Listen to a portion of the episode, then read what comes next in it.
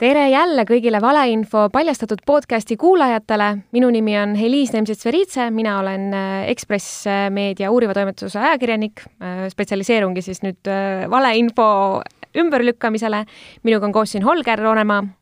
jah, tere kõigile ka minu, minu poolt ja, ja siis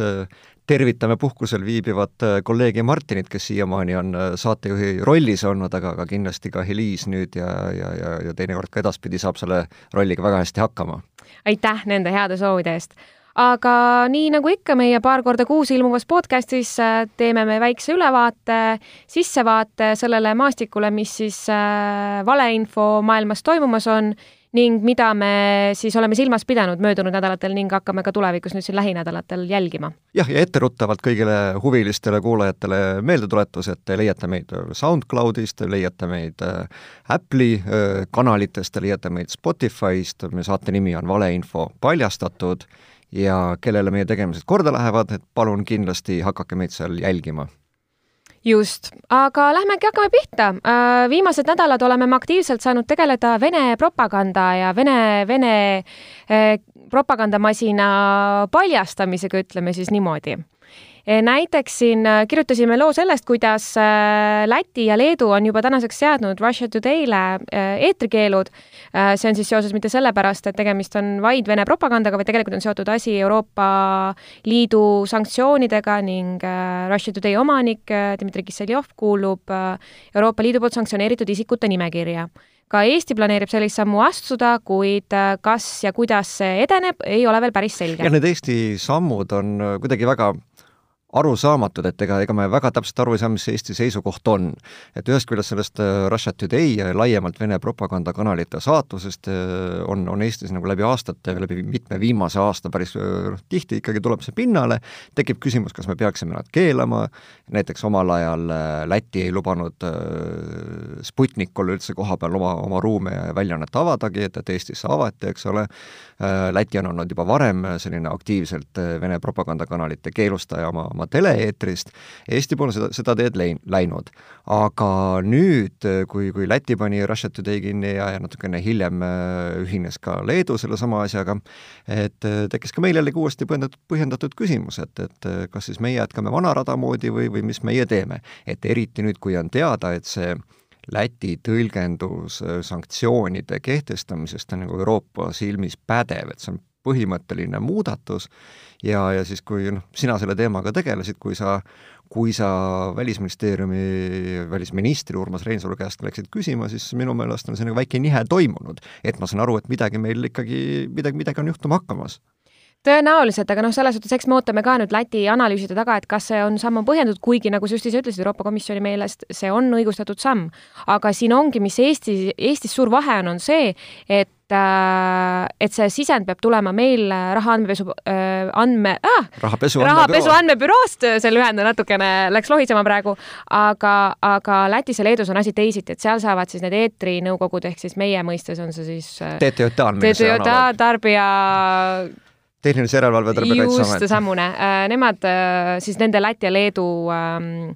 Äh, sünonüümid saavad seda otsust seal lihtsamini ise vastu võtta. aga mis on ka Eesti küsimus, on see, et Eestis oleks väga ettevaatlikud minu meelest selle küsimuse osas, et kuidas peetakse seda vahe tegemist või kuidas seda vahet tehakse eh, siis äh, lihtsalt tsenseerimise ja selle põhjendatud majandusliku sammu osas, et me rakendame neid sanktsioone, mitte lihtsalt ei tsenseeri mingeid kanaleid. no just täpselt, et praegusel hetkel on ju noh, küsimus selles, et kuidas ristuvad omavahel äh, kuidagi poliitilised huvid ja, ja puhtalt sellised finantssanktsioonilised uh, huvid. et kui see sulgemine tuleks, äh, tuleb ta puhtalt uh, finantssanktsioonide põhjendusega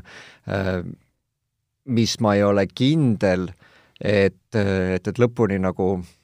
arusaadavaks äh, ja, ja ausaks põhjenduseks jääb, et äh, pigem nagu jääb mulje, et, et me kasutaksime võimalust äh, kuidagi tehniliselt see asi ära teha. ja no mis veel, et, et mina ei ole, ei ole küll sugugi veendunud, et et näiteks Russia Today eetris sulgemine meil mingeid probleeme väga lahendaks. et me teame, et neid võimalusi leitakse ikka, me teame, Äh, kui, kui lihtsasti, noh, me suunaksime lihtsalt selle auditooriumi, kes, kes seda tõsimeeli usub ja tahab jälgida, me suunaksime nad muude vahenditeni, muude võimalusteni, on see siis Youtube'i kanalid, on see siis äh, satelliiditaldrikuga millegi püüdmine või, või mis iganes. just, minu meelest siin on väga hea näide on Sputnik, mis tegelikult meile tegevus pandi samadel kaalutlustel detsembris kinni, aga Sputnik tegutseb ka Eesti meediaruumis väga aktiivselt edasi Facebookis, kus nad levitavad täpselt neid samu sisusid, lihtsalt siis veebilehele vajutades lähed sa siis Leedu Sputniku sisse, aga sisu on nagu sama. no just täpselt, aga noh, kui me räägime siin näiteks äh, muudest kanalitest veel, millega on teatavaid arenguid olnud, et siis Elis, äkki sa põgusalt mainid ka ära selle, mis äh, Baltnewsi puudutab, et Baltnews on see üks minu lemmikpropagandakanaleid Eestis läbi aastate olnud. Äh, Baltnews pakub alati väga huvitavat sisu, aga Baltnewsile seati kasutuspiirang siis samuti Raabi soovitusel, ettekirjutusel, nõusolekul, siis Eesti Interneti Sihtasutus pöördus Raabi poole sama küsimusega, et kas see on õigustatud samm ning Baltnewsile pandi kasutuspiirang. kasutuspiirang jällegi ei tähenda seda, et siin oleks sisu sisu ilmub jätkuvalt edasi Baltnewsi portaalis, aga see tähendab seda, et siis selle omanik, kes kuulub ka sanktsioneeritud isikutele, kes ongi jällegi Dmitri Kiseljov, eh, ta ei pääse seda, seda majanduslikku tulu sealt välja võtma, mis tähendab seda, et ta ei saa näiteks seda portaali kellelegi ära müüa, mis mistõttu see portaal jääb tema jaoks nagu tühjaks. ega see Baltnews, olgem ausad, ka läbi aastate ei ole väga majanduslik äh, edulugu olnud, et äh, pigem vastupidi ja see ei ole, ei ole kindlasti ka, ka eesmärk olnud Baltnewsi pidajatele alates Rossija Sevoniast, eks ole, kus kohas see kontrollitud on olnud läbi aastate, alguses salaja, nüüd, nüüd avalikult, et nende jaoks on see olnud raha kulutamise projekt, mitte, mitte raha teenimise projekt. tõsi, seda raha nad oleksid saanud palju efektiivsemalt kulutada ja, ja kasutada palju nii-öelda nõme öelda, aga, aga palju, palju kasulikumat või efektiivsemat propagandat nende vaatest teha, kui see, kuidas ta Eestis, Lätis ja Leedus äh, välja kukkunud on, et ma lihtsalt tuletan meelde nendele kuulajatele, kes äh, lõpuni kursis ei ole, et äh, näiteks Aleksandr Kornilov, kes, kes omal ajal need Baltnewsi portaalid Baltimaades üles seadis, sisuliselt jäi ju vahele sellesama Kremlist antud raha Äh, lihtsalt oma taskusse panemisega ja kogu sellest, sellest asjast sai alguse üks väga pentsik kriminaaluurimine, äh, kuna ta läks seal äh, niisuguse sularahas rahade väljavõtmise varjamiseks, läks ta tagantjärgi dokumente võltsima ja nii edasi. et, et ega see, ma arvan, Kremli propagandamasinale ka hea avastus ei olnud, et nende antud rahast umbes kolmkümmend protsenti läks siis vasakule mm. -hmm Äh, siin tasubki kohe, sa juba enne, ma võtan nüüd su sõnasabast kinni, sa rääkisid enne teistest kanalitest, et kui me nüüd Baltnewsist ja Russia Today'st räägime, siis see ei olegi nagu peamine kanal nende sõnumite edastamiseks, mis tegelikult sõnumid ju valmistavad probleemi, mitte need kanalid kui sellised. ja need sõnumid on suunatud teistesse, teistesse vormidesse, teistesse kanalitesse, näiteks täna hommikul üllatas meid siis eile küll avaldatud äh, Vene saatkonna või Eestis asuva Vene saatkonna äh, postitus Facebookis, mis siis jälle üllatab infoga, kuidas tuhande üheksasaja neljakümnendal aastal toimunud riigivolikogu valimised valimised olid siis igati seaduslikult ning mis tõestasid igati seaduslikult ka Eesti liitumist Nõukogude Liiduga. jah, et äh, Vene saatkond siis äh, nii Eestis kui, kui, kui Riias asuv, asuvad saatkonnad otsustasid siis meid kõiki siin äh, Balti riikides õnnitleda sellise ümmarguse aastapäeva, kaheksakümmend aastat meie riikide ajaloo, ajalugude kõige olulisemast, kõige demokraatlikumast ja, ja kõige kõrgema osalusprotsendiga toimunud valimistest, mille tulemusena siis Balti riigid astusid vabatahtlikult Nõukogude Liitu. et selline väga tore äh, teistmoodi ajaloo tõlgendus, mis, äh, mis läbi Facebooki meie, meie kõigini suunatud on ja ka seal Facebookis päris ohtra tagasiside osaliseks saanud. et see on jällegi noh, üks näide sellest, mismoodi teadlikult äh, selliste alternatiivajaloo legaliseerimine käib. ja noh, kui me tahaksime näiteks sellele faktikontrolli teha, eks me oleme ka noh, tõenäoliselt me teeme seda siin äh, täna, tänase homse päeva jooksul, eks ole, aga eks me oleme ka natukene nagu lõhkise küna ees, et äh, näiteks äh, kui Vene saatkond toob siin välja kõrge ametliku osalusprotsendi, mida nad ütlevad, et siis jah, tõepoolest, et võib-olla küllap see ametlik äh, osalusprotsent oligi kaheksakümmend neli koma üks protsenti ja meie ametlikult üheksakümmend kaks koma kaheksa protsenti nendest äh, hääletusel või valimistel osalenutest öö, äh, otsustasidki nii-öelda ühtemoodi, eks ole, mis viid meid, viis meid siis öö, mitte nii sõbraliku Nõukogu, Nõukogude Liidu perre. aga noh, paraku sinna ametliku kõrvale neid tegelikke fakte leida sellest hetkest on, see ongi nagu sõna sõna vastu või ütleme, me teame, et see on võltsitud, aga meil ei ole ühtegi dokumenti, mis ütleks, et tegelikult see protsent oli nii või naa, kuna need oli, tegemist oli üdini nagu võltside ja, ja mittelegitiimsete valimistega mm. -hmm. kõik see tänane postitus ning ka eelnevad ja ka tulevad postitused kuuluvad selle seitsmekümne viie aasta tähistamise juurde, seitsekümmend viis aastat äh, võidust siis, äh, Venemaa võidust äh, teises maailmasõjas, nagu nad seda tähistavad kuidas sulle tundub, ma tahaks su arvamust teada, et kuidas sulle tundub, kas Eesti või Baltikum laiemalt on saanud hästi hakkama nende sõnumite ümberlükkamisel ning nende tõrjumisel ka venekeelse enda elanikkonna seas äh,? see on õudselt keeruline küsimus, et noh, me teame, et kõikidel nendel sõnumitel on ju mitu erinevat sihtrühma, et üks sihtrühm, mis otse tuleb nii-öelda Kremli-meelsetest propagandakanalitest, on, on suunatud Venemaale siseriikliku, riiklikuks tarbimiseks. teine, noh, üks minu meelest kõige olulisem sihtrühm, nagu meie vaatenurgast on äh, siinsete riikide venekeelne kogukond ja, ja, ja kolmas on siis, eks ole, siinsete riikide näiteks noh, nii-öelda eestikeelne või, või lätikeelne kogukond ja neljandaks siis kogu rahvusvaheline üldsus, eks. et ma arvan, et noh, kui me hakkame siit tagantpoolt pihta, et, et rahvusvahelise üldsusega me oleme, me oleme hästi hakkama saanud, et sellega ei ole probleeme. Äh, ma arvan, et, et ka eestikeelne elanikkond ise on nagu suhteliselt immuunne sellise, sellise propaganda suhtes. küll aga muutub see asi keerulisemaks siis, kui me räägime siinsest äh, venekeelsest kogukonnast ja noh, loomulikult ka, ka, ka vene-vene kogukonnast, aga, aga mis võib võib-olla meie jaoks ei, ei olegi nii, nii prioriteetne. aga noh, eks me oleme teinekord ka osavad ise neile kondi hambusse andmisest, et andmise poolest, et näiteks meenutame siin mis ta oli, eelmine nädal üle-eelmine nädal ühte rahvusvahelist uuringut, mille tegi selline GlobeSec'i nimeline mõttekoda, kus siis noh, muuhulgas paisati välja, et, et oli see kakskümmend kaks protsenti kakskümmend kaks protsenti eestlastest äh, peab, äh, arvab, et et NATO ainukene eesmärk Eestis on Venemaa provotseerimine ja, ja nii edasi, et, et seal oli ka noh, puhtaid valeuudiseid oli sinna sisse pandud, et näiteks Facebookis levitati vene keeles, levitasid venelased vene keeles sedasama uuringut reklaamlausega et, et kakskümmend kaheksa protsenti eestlastest arvab, et NATO okupeerib Eestit, noh, tegelikult sellist küsimust seal uuringus ei olnud seeski. Äh,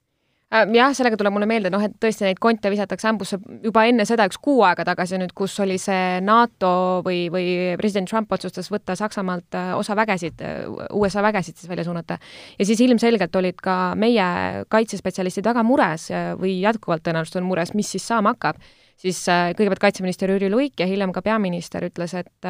et jah, ka Eestis me oleme mures ning see võimendab meie ühist kaitsevõimet ja see on ideaalne tsitaat ju, mida anda siis sellele Vene propamasinale, kus siis keerata seda, et nüüd tunneb ennast Eesti riik väga ohustatuna ja selles siis on need kaks erinevat narratiivi, mis üks siis ongi nagu suunatud Vene kogukonnale siin, kus on see, et näete, et tegelikult Venemaa ei olegi oht, te võite küll ennast ohtu tunda, aga tegelikult me ei ole üldse oht, ärge, ärge muretsege. siis on see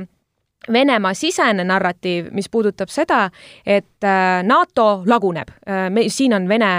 Venemaa suur võimalus enda mõjuvõimu näidata ja tõestada jah, ma tulen, see on väga õige tähelepanek, ma tulen korraks veel selle GlobeSec'i uuringu juurde, et, et see natukene arusaamatuks ei jääks, ei jääks kuulajatele, et kes ei ole sinu enda tehtud taaskord äh, lugu lugenud sellest, aga, aga jah, et, et see Kesk-Euroopas tegutsev mõttekoda siis tõepoolest tegelikult ta viis läbi sellise äh, ka sotsioloogiliselt esindusliku uurimise või uuringu ja, ja küsitluse erinevates Kesk- Ida-Euroopa riikides, mille põhiline sisu oli siis uurida seda, et, et kui tugevalt need äh, ühiskonnad äh, usuvad demokraatiasse ja, ja, ja nende, nende riikide valitsuste sellisesse legitiimsusse. Äh, aga siis ühe osana, kõige nii-öelda viimase osana sellest uuringust nad peatusid ka vandenõuteooriatel äh, Äh, ja, ja, ja valeinfol. Ja küsisid muuhulgas äh, nende vastajate käest, et äh, kas nad usuvad noh, järgmisi väiteid umbes, et Eesti puhul olid, olid seal needsamad argumendid, et kas NATO eesmärk on ärritada Venemaad ja, ja, ja nii edasi, kust tuli nagu väga noh, tõsiseid ja olulisi tähelepanekuid, et äh, mida me siin, mida meie riigi strateegilise kommunikatsiooni eksperdid peaksid kindlasti, noh, kindlasti oma tegevuses arvestama. et, et ongi, et noh, jämedalt kolmandik äh, inimestest ei, ei, ei suhtu noh, NATO-sse ja, ja sellega kaasnevas üldsegi mitte positiivselt, vaid näeb neid nagu teistmoodi. aga, aga mis selle uuringu nõrkus on, et, et miks ta nagu selline kondiks hambus on, on see, et see osa jäeti noh, sisuliselt täielikult lahti analüüsimata seal seal uuringus. et noh, paraku see tõde ongi see, et, et laias laastus üle kolmekümne protsendi Eesti elanike, elanikest on, äh, on, on teise, teise emakeelega elanikkond, kelle hulgas me teame, et, et see protsent, kes suut-, suhtub näiteks NATO-sse, ongi palju, noh, kes, kes suhtub NATO-sse negatiivselt, ongi palju kõrgem ja nii edasi, et kogu see osa on jäänud lahti analüüsimata. aga kui Vene meedial on võimalik nagu välja käia, et näed, koguni kolmandik inimesi Eestis äh, ei pea NATO-t äh, nagu üldsegi mitte oluliseks või, või üldsegi sõbralikuks meid abistavaks ühinguks, eks ole. et, et, et siis see sloganina mõjub paratamatult sellise hästi tugeva ja, ja, ja, ja sellise hirmutavana ma tahan ikkagi lisada ka siin selle, et selle uuringu metodoloogia on minule jäänud lõpuni arusaamatuks, sest et selle uuringust tuli välja et, et kakskümmend kaheksa protsenti siis eestlastest, kes küsimusele vastasid, Eesti, eestimaalastest, ütleme siis nii, usuvad eh, vandenõuteooriatesse või valeinfo, valeinfosse mingisuguses aspektis, mingisuguse narratiiviga nad seal, mis neil küsiti, nõustusid, kakskümmend kaheksa protsenti. aga kolmkümmend protsenti, mis on ju suurem number, siis väidetavalt sellest kahekümne kaheksast või mis hulgast äh, nõustub siis sellega, et äh, NATO ainuke eesmärk on venelasi hirmutada. jah, tõepoolest, et noh, see ongi see, et, et see, see uuring jättis nagu oma metodoloogia isegi lõpuni lahti, lahti sel-, selgitamata, aga sellest hoolimata jõud-, jõudsid nad selliste äh, Äh, lakooniliste pressiteadete vormis tekstidena noh, läbi, läbi meie enda meediakanalitega, ka Delfi ise äh, avaldas selle, äh, selle uudisnupu uuringu tulemustest, milles ei ole midagi imelikku ega, ega midagi valet, et uuringu tulemused ongi sel-, ongi sellised, aga need on täiesti tõlgenduseta ja, ja, ja tänu sellele on siis olnud võimalik äh, mitte nii heade kavatsusega, kavatsustega väljaannetel seda, seda spinnida nagu teisele poole. aga liigume äkki järgmise teemani või? jaa.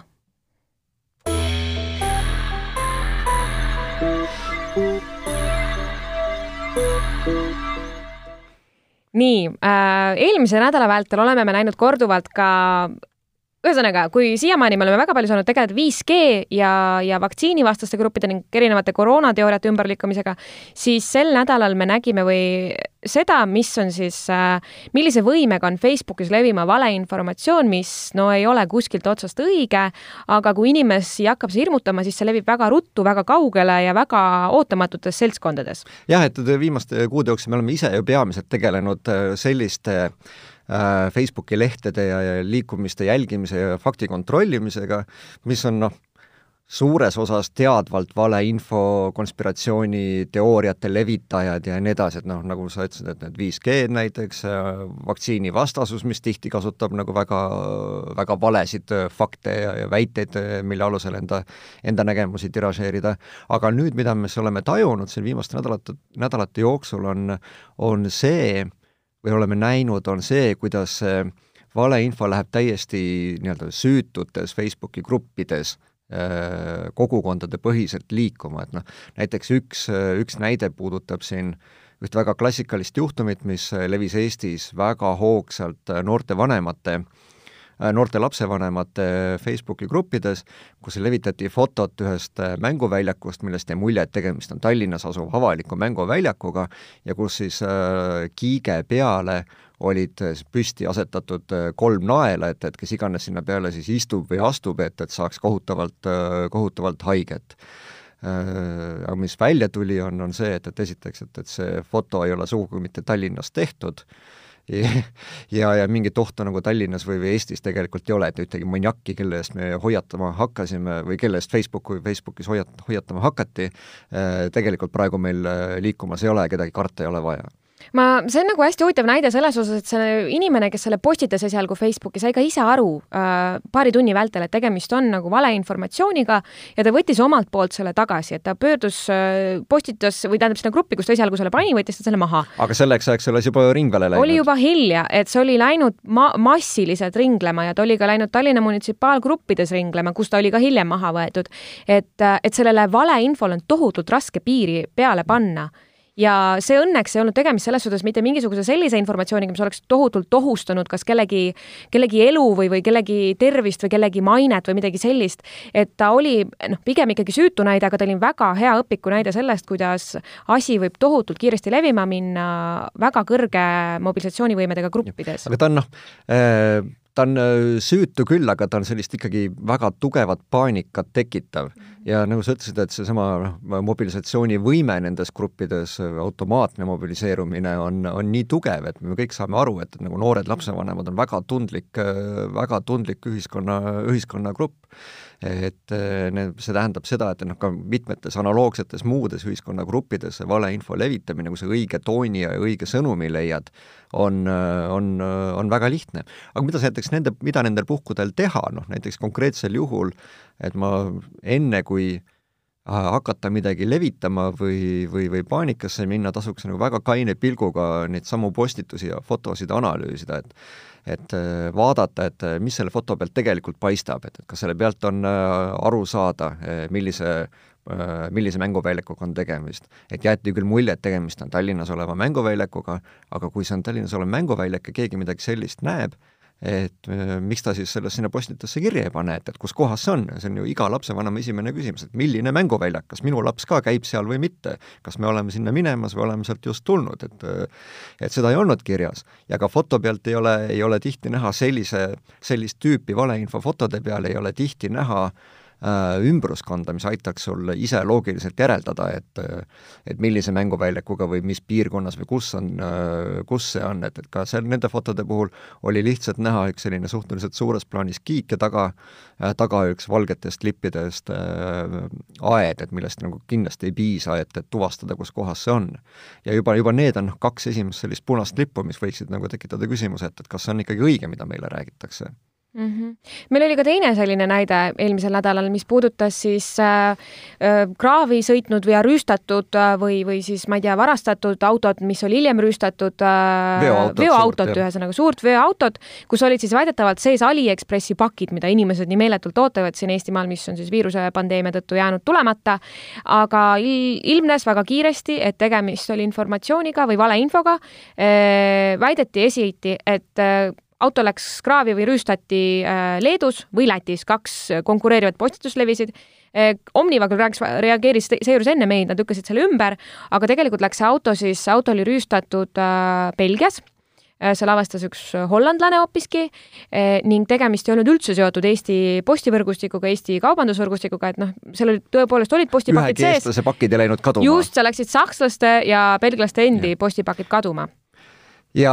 ja, ja täpselt, et ka see jällegi, et kui ma tulen siin oma teooria juurde tagasi või oma selliste, ma ei tea, moraali lugemise minutite juurde tagasi, et ka selle foto pealt ei ole mitte ühtegi lisainfot, et need detailid, mis anti, olid ühest küljest nagu väga olulised detailid, et äh, Lätis või Leedus on, äh, on rüüstatud seda veokit ja meie, eestlaste pakid ei, ei tule kohale aga jällegi sündmuskohast ei olnud arusaadav fotode pealt, et kus kohas see umbes võiks olla, sealt ei ole ühtegi, mitte ühtegi muud detaili ja nii edasi, ja kui natukenegi rohkem nagu kas või seda fotot tagurpidi otsida, siis äh, on, on päris kiiresti tuleb välja, et et see juhtus hoopis kuskil kaugel teises riigis ja hoopis varasemal, varasemal äh, ajal, et ei ole, ei ole isegi selle nädalaga seotud ja, ja nii edasi. et neid, neid ohumärke on, on nii palju või kolmas näide, et mille kohta sa ise tegid faktikontrolli siin äh, eelmise nädala, eelmise nädala tagumises pooles, et mis nüüd läheb siis konspiratsiooniteooriasse, et äh, oli postitatud foto, kuidas maja ääres, maja, maja seina serval on elektrimõõdik ja siis selle kõrval oli see vist elupuu, eks ole, on ära kuivanud ja otsad andnud ja saatetekst oli väga lihtne, et äh, näete, äh, stiilis, et see tõestab, et kaugloendurid või noh, kaug, kaugteavitamise teel või kuidas iganes seda nimetatakse, need elektrimõõdikud, et äh, nende kiirgus on nii ohtlik, et isegi puud selle kõrval surevad. jällegi natukene lähemalt analüüsida seda fotot juba, siis on aru saada, et need äh, prügikastid näiteks, mis seal kõrval on, et need ei ole üldse sellised, mida Eestis kasutatakse. ja noh, tuligi välja taaskord, et see on äh, taaskasutusse saadetud foto, mis tegelikult pärineb kusagilt Austraaliast ja noh, sa võid sellest ise lähemalt rääkida, aga, aga aga mitte ühtegi seost äh, selle elektriloenduri või mõõdiku ja, ja õnnetul kombel ära kuivanud puu vahel äh, luua on võimatu. no siin tuleb rõhutada, et elektrikaugloendurid nii või naa sellist kiirgust ei, ei kiirga, mis oleks ohtlik kas inimestele või elusloodusele, et see on täiesti välistatud ja seejuures ei olnud tegemist ka seda eh, nii-öelda GMS-loenduriga, mida Eestis mõningatel kohtades kasutatakse, vaid see oli elektromehaaniline, mis edastab mööda elektriliine veel neid andmeid. Ja see oli vanem tüüp, kus on kiirgus veel madalam, aga ma tahan rõhutada, et see GMS-loendur, mida Eestis mõned kaugemal asuvad talud või mingid sellised kohad kasutavad, et ka seal on see nii täiesti olematult madal, et et mõeldes loogiliselt, kui, kui vähe andmeid see masin tegelikult edastab ja ta on võrdlemine väga-väga-väga väga al-, algeliselt mobiiltelefoniga. ja, ja jällegi me näeme, et, et see kogukond, kes äh, on sellistele äh, postitustele vastuvõtlik, on nagu ootamatult suur. et selle peale, kui, kui meie sellele postitusele jaole jõudsime, oli seda jagatud juba Eestis äh, kaugelt üle kahesaja korra, äh, mis noh, näiteks isegi Delfi sotsiaalmeedia lehekülgedel üle kahesaja korra mõne artikli jagamine oleks, äh, on, on, on väga kõva tulemus, mille üle uhke olla. aga see läheb nagu nipsust, et, et sellist nagu kriitilist mõtlemist paljudel inimestel selle koha pealt millegipärast, millegipärast ei ole ma tahan veel enne lõpetust tuua äh, veel ühe näite, mida me ei fakti kontrollinud, mis jäi meil tegemata, kuivõrd see levis Instagrami story des, mida me ei saa otseselt kontrollida, sest need, need on ajutised ju. ja see tuli ka väga palju Delfi äh, vihjepostkasti. Äh, nimelt paar nädalat tagasi see sai Eesti endale või võrratult suure summa võitnud lotomiljonäri, kes võttis kümme miljonit eurot, kui ma õigesti. kümme koma kaheksa. vabandust, miljon siia, sinna on juba seal küsimus, igal juhul ähm,. keegi inimene postitas oma Instagrami story desse selle, et tema nüüd võitja, ta ei pea enam tööle kunagi minema sellega hakkasid kohe kõik meediamajade ajakirjanikud tõenäoliselt nuuskima, et kas inimene vastab tõele, ei vasta tõele. ta vastas nendele ajakirjanikele, et ta ei soovi sellest rääkida, ei soovi sellest vestelda. aga ta oli oma Instagrami tähelepanu oma jälgijate käest kätte saanud, see levis edasi siis äh, kinnistes Messengeri vestlustes ja, ja story des siis nii-öelda edasi, äh, kuni siis ilmnes, et äh, tegelikult sai võitja teada sellest, päris võitja sai sellest teada poolteist nädalat hiljem, kui see nii-öelda valevõitja siis hakkas teavitama, et tema nüüd võitis. et et see on ka üks niisugune valeinfoliik, mis, mis näitab, et, et väga kriitiliselt peab ikka suhtuma kõigesse, mida sa ja, näed. et seal ei ole kurja kavatsust ja me ei taha nagu nalju ära keerata mm, -hmm. ära keelata, et, et keegi tegi, keegi tegi nalja ja, ja väga paljud inimesed noh, läksid õnge, et, et ka iga aasta esimesel aprillil on palju inimesi, kes äh, paraku äh, mõne äh, aprillinalja os-, õnge, õnge langevad, eks ole, või konksu otsa kukuvad, aga aga lihtsalt sellises äh, avatud sotsiaalmeedia ruumis on see viraalsuse efekt nii kiire tekkima isegi sellise puhtalt nii-öelda heatahtliku naljakavatsusega mm. -hmm. jah äh,, kas sa soovid veel midagi lõpetuseks lisada? ma arvan, et äh, sellest meile tänaseks piisab, et äh, veel kord, et väga suur tänu, et, et, et olite meiega, et, et te kuulasite meid ja kohtume juba kahe nädala pärast. kohtumiseni!